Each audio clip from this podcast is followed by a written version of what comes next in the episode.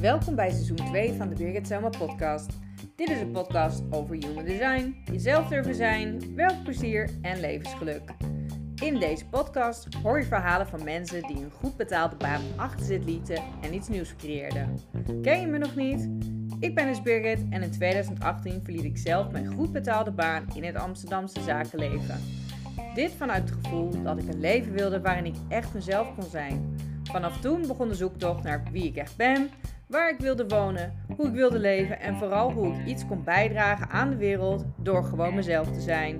Dat doe ik door middel van mentorships, human design en natuurlijk met deze podcast. Vandaag in de podcast Dagje Boots. Dagje wist al vroeg in het leven wat ze wilde: psycholoog worden en met kinderen werken. Toch had zij ook te maken met bepaalde verwachtingen van haar ouders. Na haar bachelor volgde zij zodoende een master psychologie aan de Universiteit van Leuven. Hier stopte ze mee tegen de zin in van haar ouders. Uitspraken als zonder master ga je veel minder verdienen zijn haar zodoende niet vreemd. Dagje zegt: Mijn ouders hadden daarin gelijk als je kijkt naar het uurtarief van een therapeut met alleen een bachelor. Ik wilde mijn eigen parcours volgen en niet alleen een theoretische studie volgen en al mijn nevenactiviteiten opgeven omdat ik zoveel moest studeren. In het eerste deel van haar carrière als gezinstherapeute nam ze veel zware onderwerpen op zich. Hierdoor kwam ze na tien jaar in een zware burn-out terecht. Eerst dacht ze gewoon een simpel baantje te nemen om te herstellen. Maar al snel sloeg de verveling toe en pakte zij de draad als therapeute weer op. Deze keer deed ze dit op haar eigen wijze, als ondernemer, waar ze zelf haar patiënten kon kiezen en de onderwerpen niet allemaal te zwaar waren. Haar vuur begon weer te branden. Dagje vond zichzelf een creatieve ondernemer met goede ideeën en richtte zelfs in coronatijd een eigen centrum op en schreef een boek. Zomaar ineens. Hoe ze dit gedurfd heeft en ook waar haar boek Cactus Alarm over gaat, vertelt ze je in de podcast. Ook lees ik haar Human Design Bodygraph en laat ik je zien waar je haar design in haar verhaal terug hoort. Luister direct en raak geïnspireerd door haar moedige verhaal. Vind je deze podcast leuk of inspirerend? Laat dan alsjeblieft een 5 sterren beoordeling achter in jouw podcast app en stuur hem door naar iemand anders die hiermee geholpen kan zijn. Alvast bedankt. Nu over naar het gesprek met Dagje.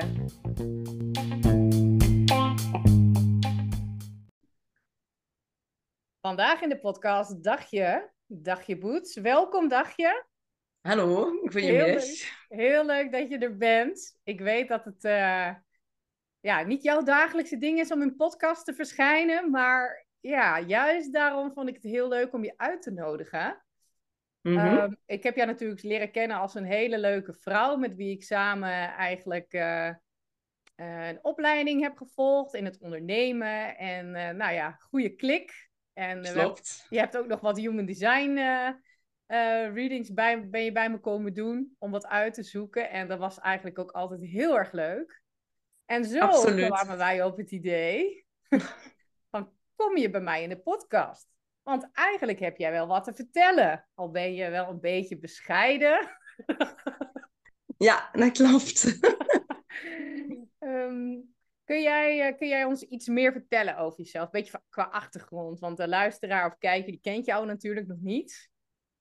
Ja, ik ben Dagje. Ik ben kinder- en gezinstherapeute in de stroom in Capelle. Ik doe dat ondertussen voor uh, 30 jaar wat al wel wat is. Um, ik werk voornamelijk rond rouw en trauma en hooggevoeligheid. En uh, naar aanleiding daarvan heb ik uh, vorig jaar ook een boek geschreven, waarover we het straks wel verder zullen hebben. Ja, heel leuk. Ja, uh, maar eigenlijk in mijn dagelijks leven ben ik inderdaad nog steeds bezig met therapie geven aan kinderen, jongeren en gezinnen. En ben ik ook bezig met supervisie voor jongere therapeuten um, in, in het therapie geven eigenlijk, ja. Ja, heel mooi. En um, ja, het lijkt mij wel, wat jij doet met therapie, best wel een dankbaar beroep. Maar misschien is dat ook wel niet zo. Maar wat voor gevoel krijg jij van, van het werk te doen? Ja, dat geeft mij een ongelooflijke voldoening. Eh, het is niet zo dat wij net zoals leerkrachten cadeautjes en chocolatjes op het einde van het jaar krijgen of zo. Maar het feit van kinderen die binnenkomen en die inderdaad depressief zijn of die voelen van ik weet niet hoe ik uh, hier verder mee aan de slag moet. Ik voel me ongelukkig of ik voel me angstig uh, of het loopt niet in ons gezin. Het feit van daarin een stukje mee te mogen stappen en zinvolle dingen te kunnen betekenen in het leven van die kinderen, vind ik ja, ik zeg altijd, ik heb de allerleukste job van de hele wereld. Daar begin ik eigenlijk mee altijd. En kinderen moeten er altijd mee lachen, maar dat is ook echt zoals ik het voel. Ik voel me ontzettend dankbaar dat ik mee mag stappen en mee mag kijken eigenlijk. Hè, want uiteindelijk ga ik ervan uit dat kinderen zelf de kracht hebben, dat gezinnen zelf de kracht hebben, dat eigenlijk alles al in hun zit.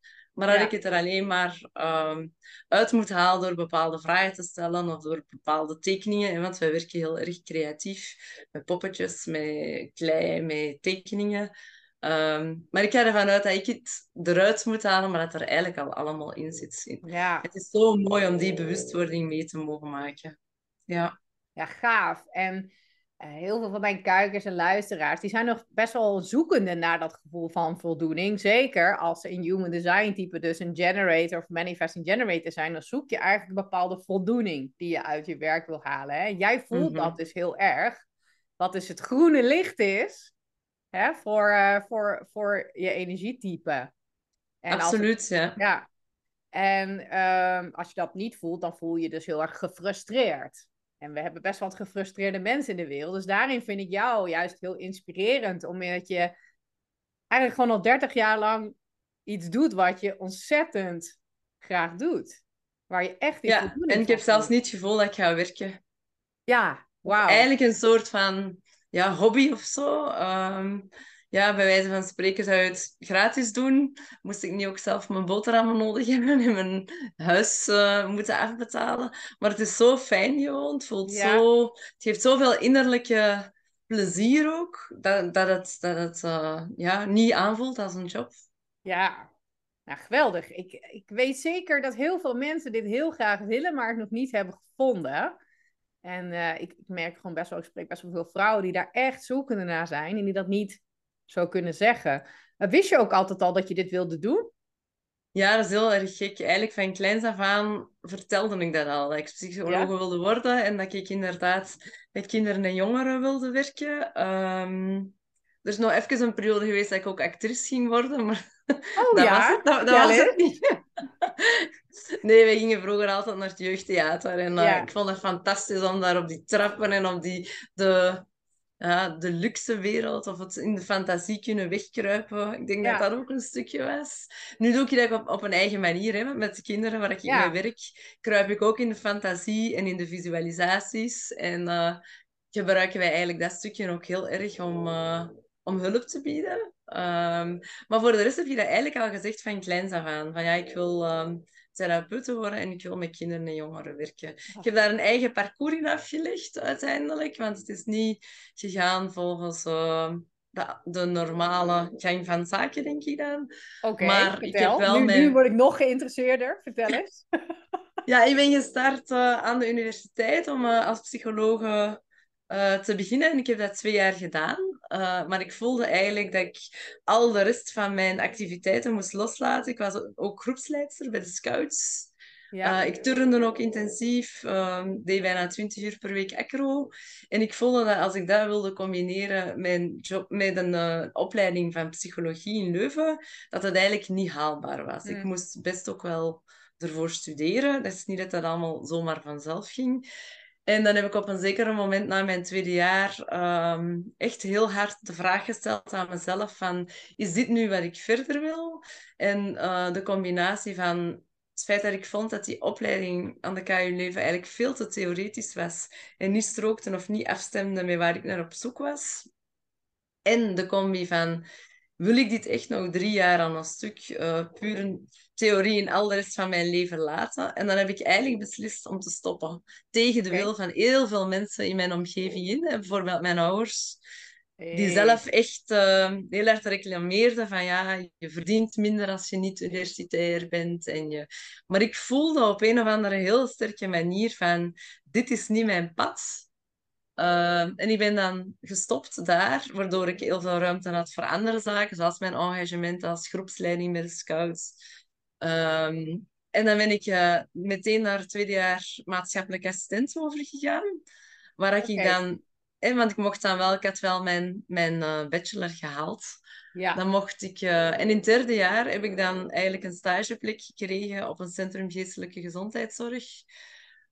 In een kinderteam waar ik eigenlijk kon doen en mocht doen al wat ik wilde, namelijk therapie met kinderen en jongeren. Ja, en vlak daarna ben ik ook aangenomen in dat centrum. Dat was ten tijde van Dutroux. En eh, Oh, dan ja. zijn wij eigenlijk eh, fulltime begonnen met eh, eh, therapie rond misbruik en mishandeling. Dus Ja. ben ik aaneengeschakeld daar eigenlijk begonnen in de job die ik wilde. En dan ben ik vanuit die job een vierjarige therapieopleiding kunnen gaan doen. Dus eigenlijk het pad dat ik wilde, maar veel meer afgestemd op eh, mijn Ja. eigen zijn. Ja, Knap dat je daarnaar hebt geluisterd, want het is niet altijd makkelijk, weet ik uit eigen ervaring, om onder die druk, onder die wil van de ouders, waar dan toch wel gevoelig voor zijn, hè? een beetje pleasen, is niet absoluut. leuk. hè? dat was heel moeilijk. Dat was Ja. heel moeilijk. Dat was mij, ik herinner me die, die grote vakantie. Ik heb twee maanden gehuild, denk ik. En toch voelde dat alsof ik moet dit doen. Ja, Cool, ja. heel cool, zie je wel? Ik vind het zo stoer van jou. En we hebben af en toe een heel klein beetje lichte klusgeluiden en boorgeluiden bij Dagje op de achtergrond. Eh, maar valt wel mee. Maar als je je afvroeg van, eh, wat is dat? Nou, En is de buurman die aan het werk de is. buurman is aan het klussen. Ja. Ja, kunnen we niks aan doen. Eh, maar het valt, het valt mee. Ik hoor het heel licht. Het is wel grappig. Maar het lijkt bijna alsof iemand op de achtergrond een beetje zo aan het snurken is, weet je wel? Oké. Ja, nu, nu. Ja, het spijt mij als ik toch moet verhuizen. Ja, nou ja. Ja, we kunnen er niks aan doen dat de buurman gaat boren. Mhm. Ehm, ja, gaaf. Dus eh, je wist eigenlijk wat je wilde. En op een gegeven moment voelde je, hé, hey, ik, ik ben een soort van op het parcours waar ik dacht dat ik heen moest gaan, maar dit is niet helemaal juist. En toen heb je dus tegen de wil en de druk van je ouders in toch gekozen om iets anders te doen waar je zogenaamd minder mee verdient en waar het allemaal minder, maar het was precies goed, hè? Ja, het was echt het pad dat moest, want dan kwamen er kansen die Ja. ik anders misschien niet had gekregen. En ben ik eigenlijk beginnen werken op dat Centrum Geestelijke Gezondheidszorg. Ik denk dat ik daar ongeveer tien jaar gewerkt heb. Dus Gaaf. in- ja, Ja, tien jaar daar gewerkt. En toen? Wat gebeurde er toen? dan ehm, ben ik in een zware burn-out gegaan. Oh, Omdat dat ik, gekomen voel... dan? ja, omdat ik voelde dat ik ehm, te veel alleen moest dragen. Alhoewel dat we daar met een team eh, zaten en dat het ja, zeer zware thema's waren. Ik werkte meer dan acht uur per dag alleen rond misbruik en mishandeling. Dat is wel zware energie, lijkt me, om eh, Ja, in te zitten. Absoluut. Ja. Ja, En dan ehm, heb ik beslist, is er een moment geweest dat ik heb beslist van ik stop er volledig mee. Ik ben eigenlijk eh, echt in een zware burn-out gegaan. En ik heb eh, al mijn eh, psychologie-spullen verbrand. nee, dat meen je niet. Ik leer echt En ik dacht- over jou. Ja, ik dacht, dit is niks voor mij. Dus ik heb een grote stapel kampvuur in een tuin gemaakt. Dacht je? Alles erop gegooid. Wauw, oké. Ja. Oké. Ja, ehm, en dan eh, had ik zoiets van, nee, dit doe ik niet meer. En dan ben ik, ik ging iets helemaal anders doen en dan ben ik op een interimkantoor gaan werken. Ik dacht, puur administratief, niet te mentaal. Maar ehm, ja, ik was dan nog geen week bezig en natuurlijk al die eh, zware psychologische problemen, al die mensen kwamen bij mij aan een bureau zitten om hun verhaal te vertellen. Ja, Ja. Ja, ik heb dat dan een aantal maanden gedaan en uiteindelijk ben ik eh, toch door die hulpverlening gegaan, uiteraard. Hè, want ik voelde al na twee maanden dat dit eh, een pure administratieve job, ook al kwamen de verhalen op een andere manier binnen, dat ja. dat mij absoluut geen voldoening gaf. Ehm, Nee. En dan ben ik stilletjes aan... ehm, eerst via het CLB ben ik beginnen werken, maar ook daar zat ik onmiddellijk eh, in de Wat job is van dat even voor de, Nederlandse, voor de Nederlandse luisteraars? Wat is dat? CLB, ehm, Centrum voor Leerlingbegeleiding, die zijn gekoppeld Oh, aan scholen. Dus Ah, voor, ja. mij, voor mij gaf dat gevoel van oké, dat is op een andere manier. Die gaan mee in de scholen binnen. Ik denk dat jullie dat ook wel hebben. Ja, En maar die- dat heette allemaal weer net anders in Nederland. Maar ik zou ook niet weten hoe het in Nederland heet hoor. Want ik kom Ja, echt niet uit Maar die het is in elk geval gekoppeld aan scholen ook. Oké. Eh, dus de problematiek is normaal gezien eh, veel lichter. Ja, Vermits ik dacht vanuit mijn burn-out van ik zit alleen maar rond misbruik en mishandeling. Maar ehm, ik heb, ja, toen ehm, vroeg men mij natuurlijk als expert om alle collega's ehm, op te leiden rond hoe omgaan met intrafamiliaal geweld, hoe omgaan met misbruik eh, tussen een leerkracht en een leerling. Eh, dus heb ik daar twee boeken geschreven rond hoe als school en als CLB-medewerker rond misbruik en mishandeling werken. Zo. Ja, Even twee broeken geschreven. Dus, Ja, eh, en oh, handelingsplannen, hoe de collega's er eigenlijk mee om moesten. Oké, Eh, dus gaf ik daar ook trainingen voor mijn collega's rond hoe werken rond deze problematiek. Omdat dat uiteraard natuurlijk iets geworden was wat, wat voor mij gewoon was om over te praten. ja. En voor heel veel mensen rondom eh, nog heel moeilijk is. Hè? Mm. Ja, het was best wel eh, iets wat nog best wel taboe was, wat moeilijk was. Ja. Vast ook in België is iedereen toch nog iets meer eh voorzichtig. Ja, en sowieso praten over misbruik en mishandelingen, over familiaal geweld, is niet gemakkelijk om dat aan te kaarten Nee, eh, binnen gezinnen. nee. En ook niet vanuit een schoolcontext is dat niet, eh, niet evident. Ehm. Ja, Dus was ik daarmee bezig, maar ik voelde alsnog dat dat, een, dat, dat niet de, de voldoening gaf die ik wilde. Hè, want dat was voor mij zo met mijn ene teen toch terug in die hulpverlening gaan. En dan ben ik eigenlijk eh, terug begonnen met een privépraktijk voor een aantal uren per week, waar ik dan toch eh, mijn eigen voldoening een stukje, mm, een stukje kreeg. Ja. Ja. Ja En zo is die privépraktijk eigenlijk uitgebreider en uitgebreider geworden. Ehm, en ben ik op een zeker moment gesprongen om dan toch echt fulltime, fulltime eh, als kinder- en gezinstherapeut aan het werk te gaan en al de rest eh, te laten. Omdat ik voelde van, als zelfstandige kan je ook een stuk kiezen ehm, Mhm. welke ja, problematieken je opneemt, waardoor dat je die een balans van heel heftige thema's waarin Ja, maar kunt, zelf kunt bepalen. Ik vind dat wel een groot verschil.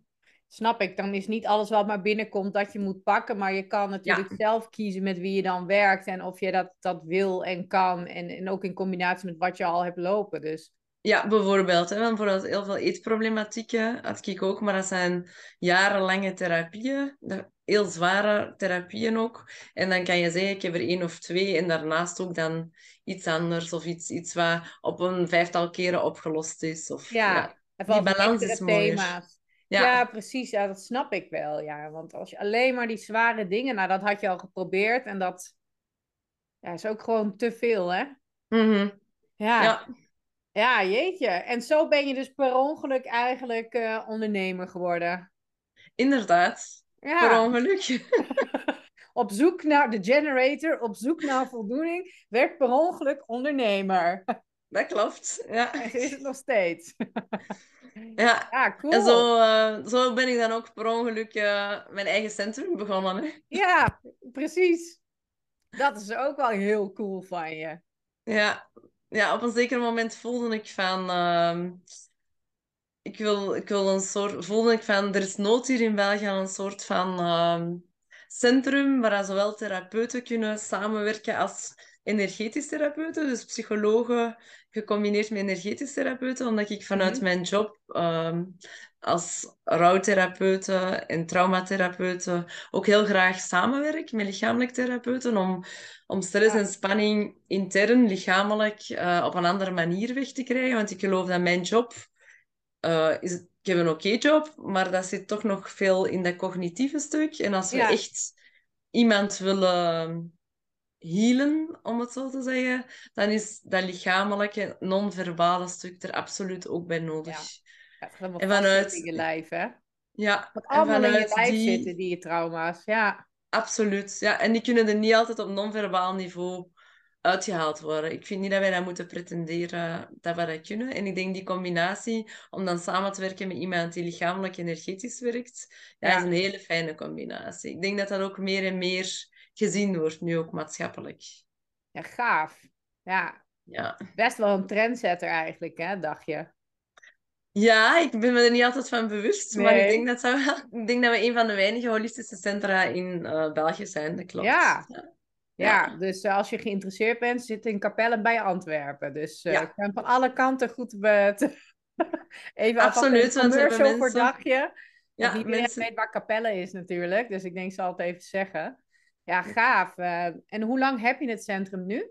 We hebben eigenlijk eh, in volle corona hebben we het huis gekocht en verbouwd. Dus, dus ook dat was eh, iets waar er heel veel weerstand kwam van buitenaf. Van zou je dat wel doen en is dit wel de moment? En, maar we hadden een bankmedewerker die heel hard geloofde ook in ons eh, Mm, verhaal. Want ik heb het niet alleen gedaan. hè. Ik heb collega Anke die met mij mee ingestapt is. En onze twee mannen zitten er ook bij. Dus eh, we zijn met twee koppels die samen de stroom aangekocht hebben en opgericht hebben. Eh. Wat ook nodig is, denk ik. Want we vullen elkaar ook echt wel aan. In, ja, Als je onze human design zou maken, zou die allemaal heel erg anders zijn. ja, cool. ja. Ja, dat is heel, dat is heel fijn juist.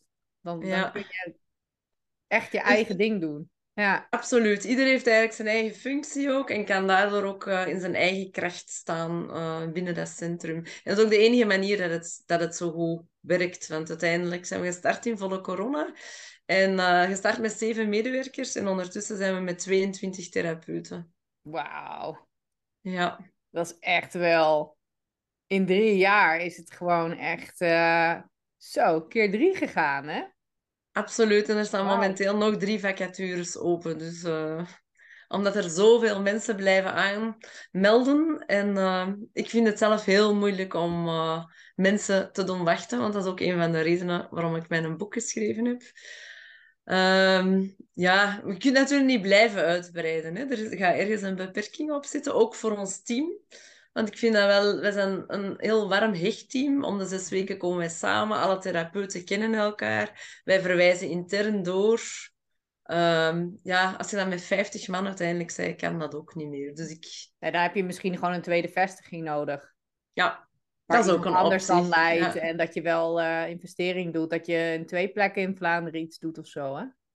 Zou je Ja, ook kunnen dat doen. zou ook een optie kunnen Want het zijn. is natuurlijk wel, ja, het werkt blijkbaar fantastisch. En je krijgt heel veel aanmeldingen. Maar ik Klopt, snap ja. dat je op een gegeven moment wordt het anders te veel voor jezelf. Maar ja, je zou het natuurlijk... eh, je zou het kunnen expanden, maar dan zelf daar minder in... Dat we niet in de operatie zitten. Ja. eh, Wie weet, wie weet. Dat is nog een goede tip. Nee, eh, ja, ik ben altijd... Ik denk altijd... bijna- Alleen je moet niet allemaal zelf willen doen dan. Hè? Dat, Nee, dat is ook niet mogelijk. Dat is ook niet mogelijk. nee, en het hoeft ook niet. Want andere mensen kunnen ook iets. Absoluut. Dat doen we nu ook meer en meer dingen uitbesteden. En we hebben Ja. nu ook een opleidingscentrum vanaf eh, nu in september erbij. Wat wil zeggen dat er ook echt opleidingen gegeven gaan worden. Zowel aan ouders als aan kinderen, als aan therapeuten of andere coachen. Of leerkrachten en zorgcoördinatoren. Dus ook daar is een hele evolutie in aan het komen. eh, Wow. Om ook die een plekje te geven in de stroom. Ja, gaaf. Ja, want het heet de stroom, hè? De stroom. De stroom, ja. Mooi. hey, ehm, je hintte natuurlijk al even over het boek. En dat je een boek hebt... Ze heeft ook zomaar even een boek geschreven ooit. Een, Per ongeluk. per ongeluk een boek geschreven. Dat is ook wel een leuk verhaal. Ehm, je hebt het boek geschreven, volgens mij, over hoogsensitiviteit bij kinderen, toch? Hoogsensitiviteit en hoge prikkelgevoeligheid. Dus En ik bereid, het, ik bereid het uit eigenlijk. Dat voor alle prikkelgevoelige kinderen. Ja. Ja, cactusalarm. Ja. Ja, hele coole Cactusalarm. titel. Hey, vertel eens, hoe, hoe is dat idee ontstaan en hoe ging het toen vervolgens rollen? Wel, eh, als kindertherapeut en als coördinator van de stroom werd ik dagelijks geconfronteerd met heel veel aanvragen van gezinnen om hulp. En ik eh, merkte dat we die niet konden aannemen volgens het ritme dat we wilden. Dus dat gezinnen vaak om hulp bleven wachten. En vermits dat ik wist dat wachten eigenlijk leidt tot frustratie en onmacht in gezinnen, ging ik zelf op zoek naar, oké, hoe kunnen we op een andere manier hulp gaan bieden? Ehm, ik ben aan beginnen denken en ik wou eigenlijk oorspronkelijk een uh, online training uh, maken. Mhm. Maar die online training is doorheen het proces veranderd in een, uh, in een boek. Ja. Ehm, een doeboek hè, voor kinderen. Ik denk dat die online training er trouwens nog wel gaat komen hoor. Dat die ja. onderweg is. Um, maar dat het concreter en handiger was, denk ik, om met een creatief doeboek te beginnen omdat het uiteindelijk de bedoeling was om tijdens die wachttijd kinderen en gezinnen al aan de slag te krijgen. En dat eigenlijk soms fijner is om met concreet iets in uw handen bezig te zijn dan effectief terug digitaal. Of uh, ik denk dat het een andere manier van werken is. Ja. Dus ik ben gaan kijken dan van oké, hoe werk ik zelf? En ik heb eigenlijk een zestal sessies, therapiesessies van mezelf uh, in het boek gestoken. Zodat dat, dat kinderen en gezinnen ermee aan de slag kunnen. En zelfs op zulke manier dat ze soms niet meer tot bij mij moeten komen. Oh, dus dat de bewustwording er is, dat ze zelf met concrete handvaten aan de slag kunnen. En dat ze soms ja, gewoon hun eigen pad kunnen gaan zonder dat ze nog therapie of enige begeleiding nodig hebben. Oh, wauw. Dus dan stroomt de emmer niet meer over in de stroom. ja. Nou, grapje. Um, wel mooi. Dus eigenlijk kunnen ouders met die kinderen dus al aan de slag met wat jij daar in het boek uitlegt en wat je dus kan doen. Klopt. Um, Waardoor heel veel al toch thuis opgelost kan worden. Dat klopt, ja. Want heel concreet hè, krijgen ouders en kinderen concrete handvaten uh, aangereikt om piekergerechten en prikkelsituaties te gaan ontmijnen zodat die gezinscrisissen uh, een stukje preventief al opgelost worden. Ja. Want dat is eigenlijk, dat is eigenlijk uh, het probleem dat er is. Hè. Je, je merkt dat er in het gezin uh, woedeuitbarstingen zijn of huilbuien. Of, ouders begrijpen niet goed het gedrag van hun kinderen en kinderen begrijpen zichzelf niet. En door hmm. eigenlijk met het boek aan de slag te gaan, wordt er een bewustwording gemaakt, zowel bij kinderen als bij ouders. En kunnen ze echt via concrete handvaten en tips zelf aan de slag gaan. Ja, um, heb je één klein voorbeeld van iets wat er bijvoorbeeld in staat? Natuurlijk niet alles verklappen, maar ik heb het gevoel dat hier wel eens wat uh, mensen op kunnen aangaan. Uh. Ja, ik denk heel concreet. Hè. Dus er zijn verschillende stappen in dat boek. Eerst uh, wordt er uh, verteld rond prikkels zelf. Hè. Iedereen, of, uh, iedereen die hoog of prikkelgevoelig heeft, is, heeft lange voelsprieten of prikkels. Dus er wordt eerst verteld van wat is dat eigenlijk? Wat voor soort prikkels zijn er? Wat kan maken? Je hebt zintuigelijke prikkels, maar je hebt ook emotionele prikkels die opgewekt worden door emoties. Je hebt ook sociale prikkels. Hè. Door, sommige kinderen worden um, geagiteerd bijvoorbeeld door heel veel interactie. Er zijn heel ja. verschillende soorten prikkels. En dan wordt eigenlijk op kinderniveau uitgelegd van wat is dat nu? Hoe werkt ons brein en wat voor soorten prikkels zijn er? Dat is het eerste stuk waar naar gekeken wordt. Wat voor soorten prikkels zijn er? Dan wordt er gekeken naar uh, in welke prikkels herken jij jou? Hè? Welke prikkers, prikkels zijn triggers voor jou om... Uh, om inderdaad in een soort van cactusalarm te schieten. Dus welke prikkels zetten jouw cactusalarm aan? En dan um, wordt er verder gekeken, hoe zit dat eigenlijk bij jou, jouw cactusalarm? Hoe gedraagt jouw lichaam zich als jouw cactusalarm aangaat? Want mm. ik zal er zelfs meer over vertellen. Er zijn verschillende soorten cactusalarmen. En het vierde stuk is dan van, als jouw cactusalarm dan aangaat, wat zou jij kunnen doen, heel concreet, om ermee aan de slag te gaan, zodanig dat dat minder wordt, of om zelfs zo aan de slag te gaan dat je preventief je cactusalarm niet meer moet aanzetten.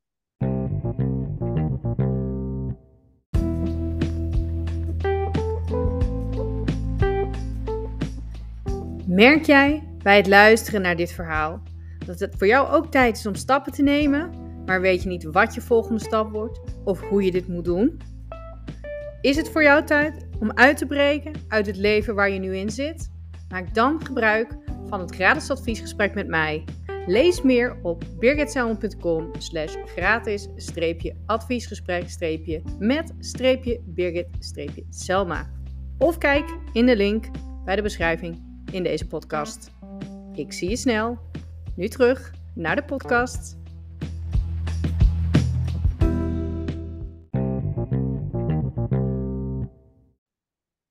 Wow, dit is echt wel heel gaaf.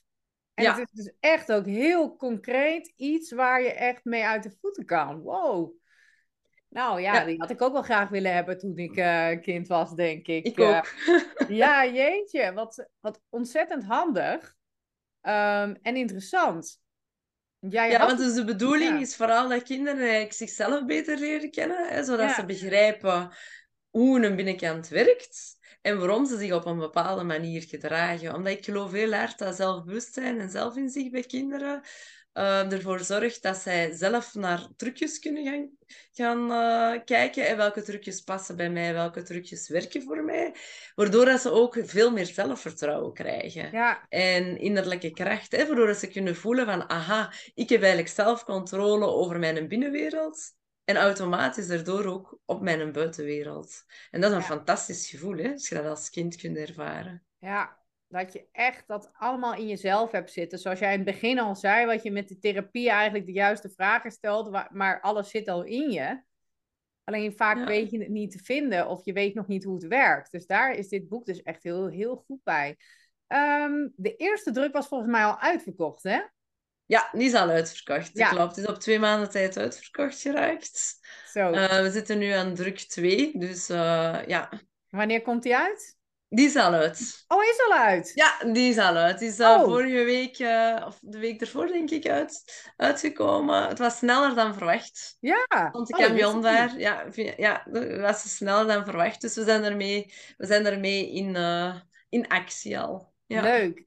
Hey, en stel dat iemand dit eens hoort of ziet en die denkt, hey, dit boek moet ik hebben voor Sinterklaas of voor kerst of voor Sinterkerst. Um, waar kunnen ze die dan bestellen bij je? Via mijn uh, website Academie Dagje kunnen ze... Zet het er nog even onder hoor. Ja. ja. En eventueel ook uh, via mijn uh, Instagram, at cactusalarm. Ja, super. Ik ga ja, misschien is het wel belangrijk dat, dat, ik nog een stukje even vertel over het ja. cactusalarm. Hè? Uh, want cactusalarm is een, eigenlijk een signaal dat je lichaam geeft. Je lichaam laat weten dat het niet goed met je gaat en het zet zijn stekels op. Hè? Het vertelt dat er niks meer bij kan eigenlijk. Ja, dat is eigenlijk de, de symboliek van de dingen. Dat is het geval van overprikkeld zijn. Hè? Overprikkeld zijn wil zeggen dat er zoveel prikkels binnenkomen dat de hersenen de informatie eigenlijk niet meer goed kunnen verwerken. Ze geraken in de war, je hersenen, je hoofd zit te vol. En dat zorgt dan voor een cactusalarm dat bij iedereen verschillend is. En bij sommige kinderen, die worden heel snel boos, snel geïrriteerd. Uh, die gaan springen als een kangoeroe, opgewonden. Um, onvoorspelbare huilbuien bijvoorbeeld. Maar je hebt ook de andere kant. Je hebt ook kinderen die hoofdpijn krijgen, buikpijn krijgen. Die zich helemaal terugtrekken, wiens rolluikjes precies toegaan. En uh, die zeggen van ja, laat mij hier maar alleen zitten. Dat zijn eigenlijk ook overprikkelde kinderen. En die zien we vaak niet. Ja, juist heel erg. Dat je gaat terugtrekken en een soort van verdwijnt. Ja, inderdaad. Ja. ja, en die zie je minder, want die vallen minder op. Maar dat is natuurlijk net zo...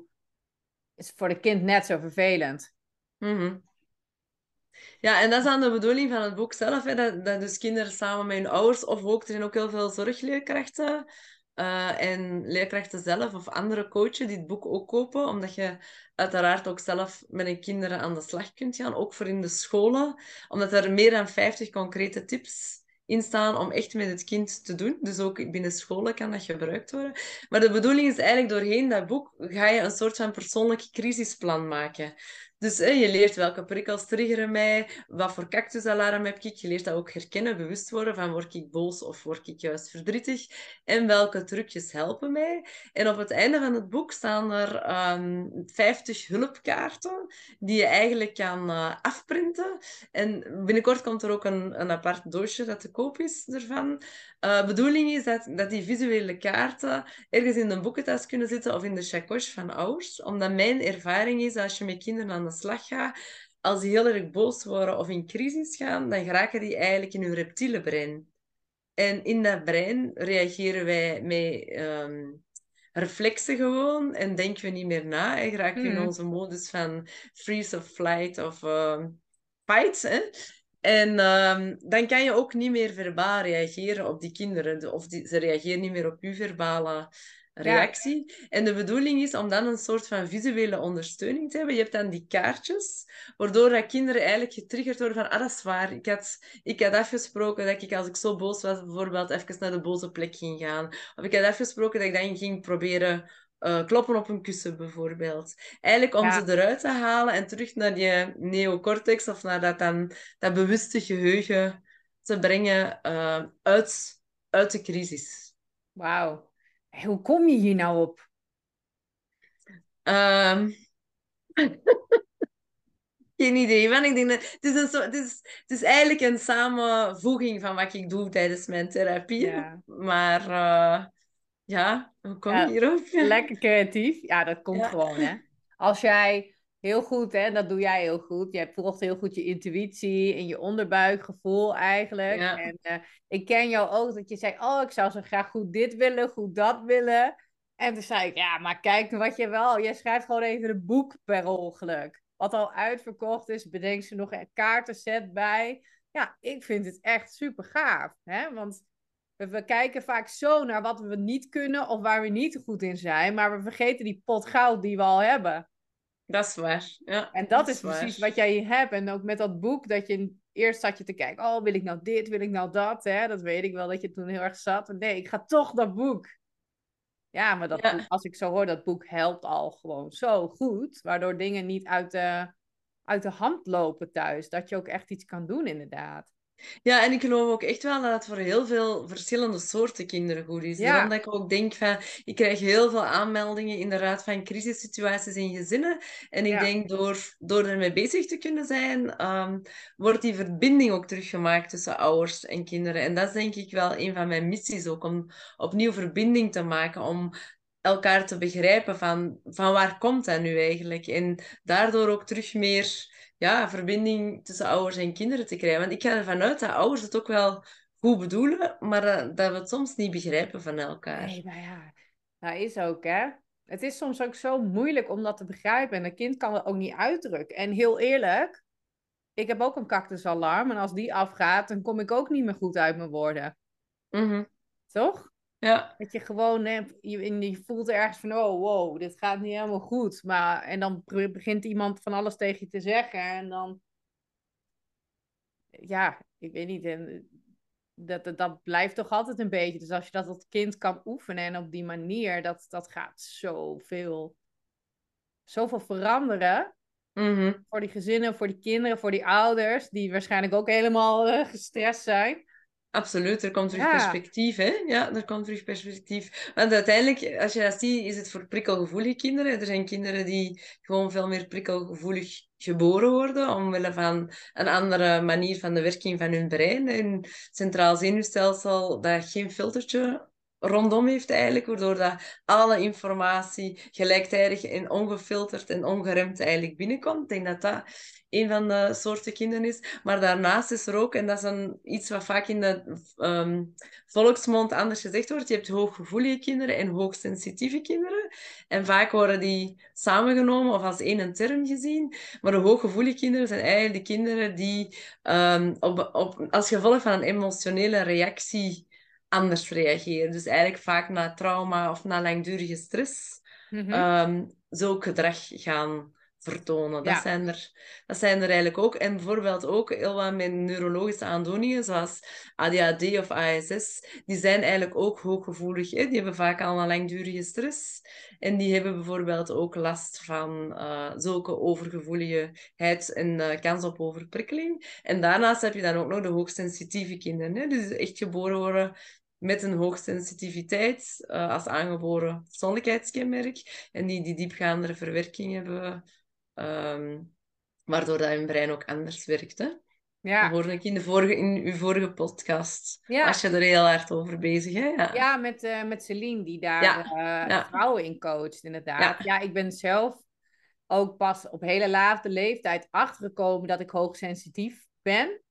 Mhm. Omdat ik dus niet zo hooggevoelig op alles. En ik ben Mhm. ook iemand, het, het- is ook, eh, er moet wel heel veel info naar binnen komen en dan in één keer is het klaar. Ja. Eh, bij mij valt het ook niet zo op, omdat ik ook wel weer de high and seeker kant heb. Dus dan ben je minder. ehm, het, het komt anders over. Dan kom juist heel Ja. bold over. En dan ben ik ook wel. Maar als het dan, als het dan klaar is, dan is het ook klaar. En dan is het. eh, dan komt alles in één keer binnen alsof, je, alsof, je, of er een luidspreker op, op mijn hoofd staat. Ja, die wordt ook nog, nog veel minder herkend, hè? Ja, dus ik Ja. wist dat echt niet. Ik ben er denk ik pas eh, toen ik een jaar of dertig was achtergekomen. Van zo'n heel klein stukje op de west van Elaine Aaron. Toen ik toch weer eens ging zoeken. Dat ik dacht, hoezo ben ik soms ineens heel erg overprikkeld. En op andere moment Mhm. niet. Eh, dan, dan, vera- dan, dan veranderde ik ook heel erg. Dus zo, en toen kwam ik Celine tegen, inderdaad, in Antwerpen bij een eh, netwerkevent. En zo hebben wij toen die podcast gemaakt, inderdaad. Ja. En eh, ja, het is een heel interessante topic. Want als je daar dus gewoon goed mee leert omgaan als kind al.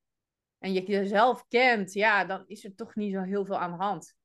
Nee, dat klopt. Als die bewustwording er is en die zelfkennis, dan kan je zo ver geraken. En dan is dat zo'n superkracht. En dat hoop ik ook echt Ja, dat dat gaat gebeuren. Dat is eigenlijk mijn bedoeling, dat de maatschappij ook niet meer naar die kinderen gaat kijken van, oh, die zijn flauw en lastig en die kunnen niks verdragen. ja. Maar dat dat eigenlijk echt gezien wordt, niet meer als een afwijking, maar als een superkracht. Want als Mhm. ja, een supergevoelige gevoelswereld, dat is echt een, een megakracht, hè? ja. Ik zeg altijd tegen de ouders van die kinderen gaan onze wereld nog redden. Oh, kijk eens aan. Ja, Ja. mooi. Nou, dan heb jij een goede bijdrage gedaan, eh, dacht je. Mm. Is er iets wat jij nog heel graag wil, eh, wil vertellen, wat ik nog niet heb gevraagd? Nee, ik denk het eigenlijk niet. Oké. Nee. Nou, gaan we nog heel even naar jouw human design kijken voor degene die nieuwsgierig was. En bij Dagje was het, een, was het iets meer zoeken, omdat Dagje is geboren in eh, Afrika. Ja, En de toen de vader tegen de cactus aanreed, 's ochtends, is ze ongeveer geboren. En Ja. is een boek cactusalarm. Eh daar had ik nog niet bij stilgestaan bij ja, die dat link, zei- toen kwam ik inderdaad. nog laatst ineens. Dat ik zei, dat is wel apart eigenlijk. Jij bent geboren toen je vader tegen de cactus aanreed. Ja. Nee. Nee, hier zie je dus eh, de generator, profiel 1.3.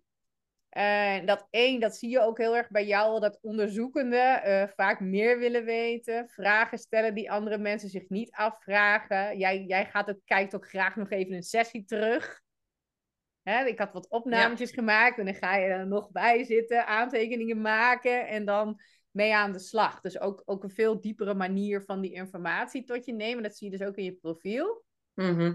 Sacrale eh, autoriteit. Dus heel spontaan eigenlijk. Dat je voelt in je onderbuik van oeh, ja, daar moet ik heen. En dan kan je wel vragen waarom dan, bla bla bla. Maar die buik geeft geen, maar je weet het. Je voelt het, hè?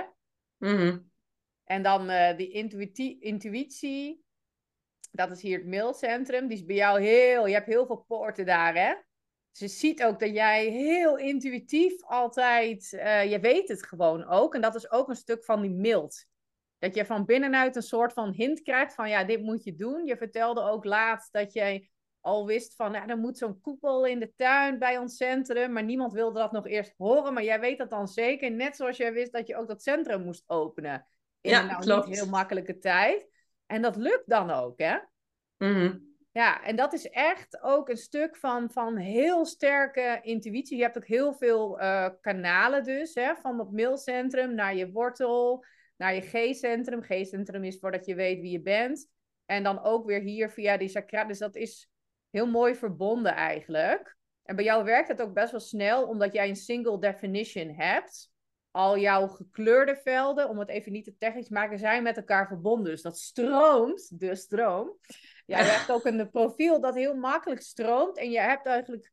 Jij kan, jij, jij kan dus heel snel tussen die, die informatie van binnen eh, ook verwerken. Ik heb bijvoorbeeld een split definition. En bij mij zijn het dan als twee apart opererende delen. Bij mij kan het dan helpen om even bij iemand in de buurt te zijn die dat stukje dan overbrugt. Die daar wel een kleurtje of een poort heeft.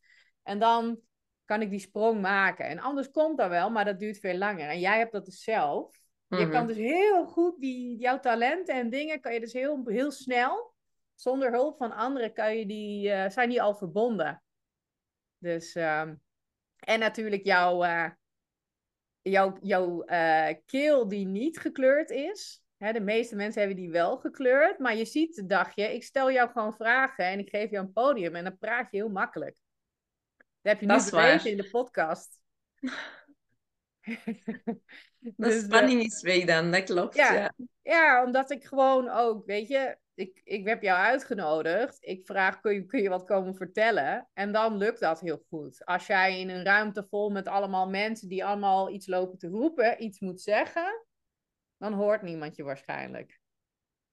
Ja, en dan heb ik ook niet zoveel zin om te praten. Nee, dat is niet eigen. Als je dat wel zou doen, dan zou jij jezelf echt gaan overschreeuwen. Terwijl als, als Mhm. jij wacht, je wacht, en als iemand je dan vraagt, ah, dacht je, wat, wat vind je daarvan? En je zegt dan wat, dan is het boem, spijker op zijn kop.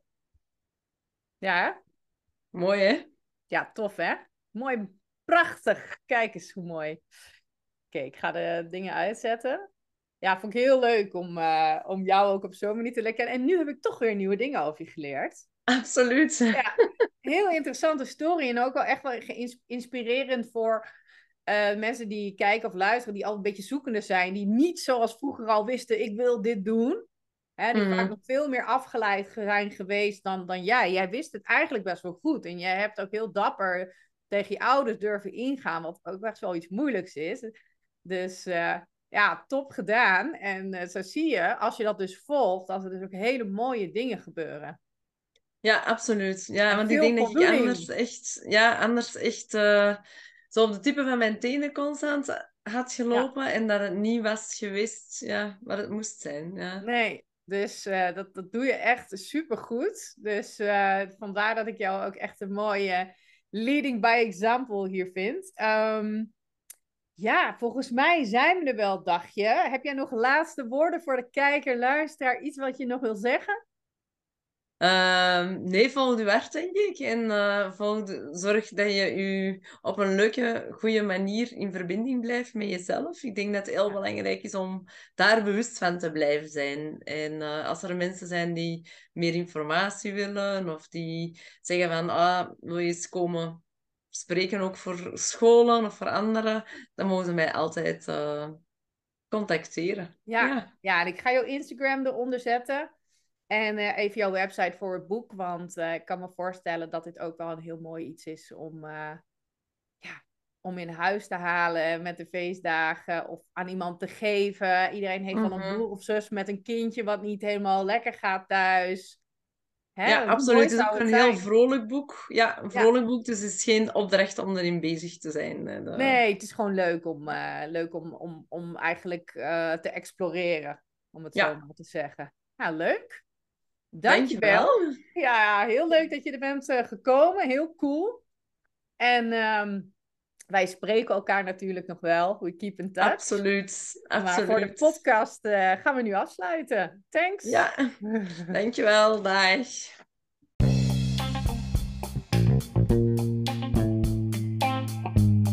Dankjewel voor het luisteren naar deze podcast met Dagje Boets. Ik ben benieuwd of je haar boek gaat lezen en of deze podcast jou heeft geïnspireerd om ook je eigen weg te volgen. Merk je nou dat jij vastzit en dat je het nog niet zo duidelijk weet als Dagje? Neem dan eens vrijblijvend contact met me op. Je kan gebruik maken van het gratis adviesgesprek. Kijk op birgitselma.com, werk met mij en druk op gratis adviesgesprek. Ik kijk ernaar uit om je te spreken en om je te helpen de volgende stap te maken. Tot de volgende podcast. Doei!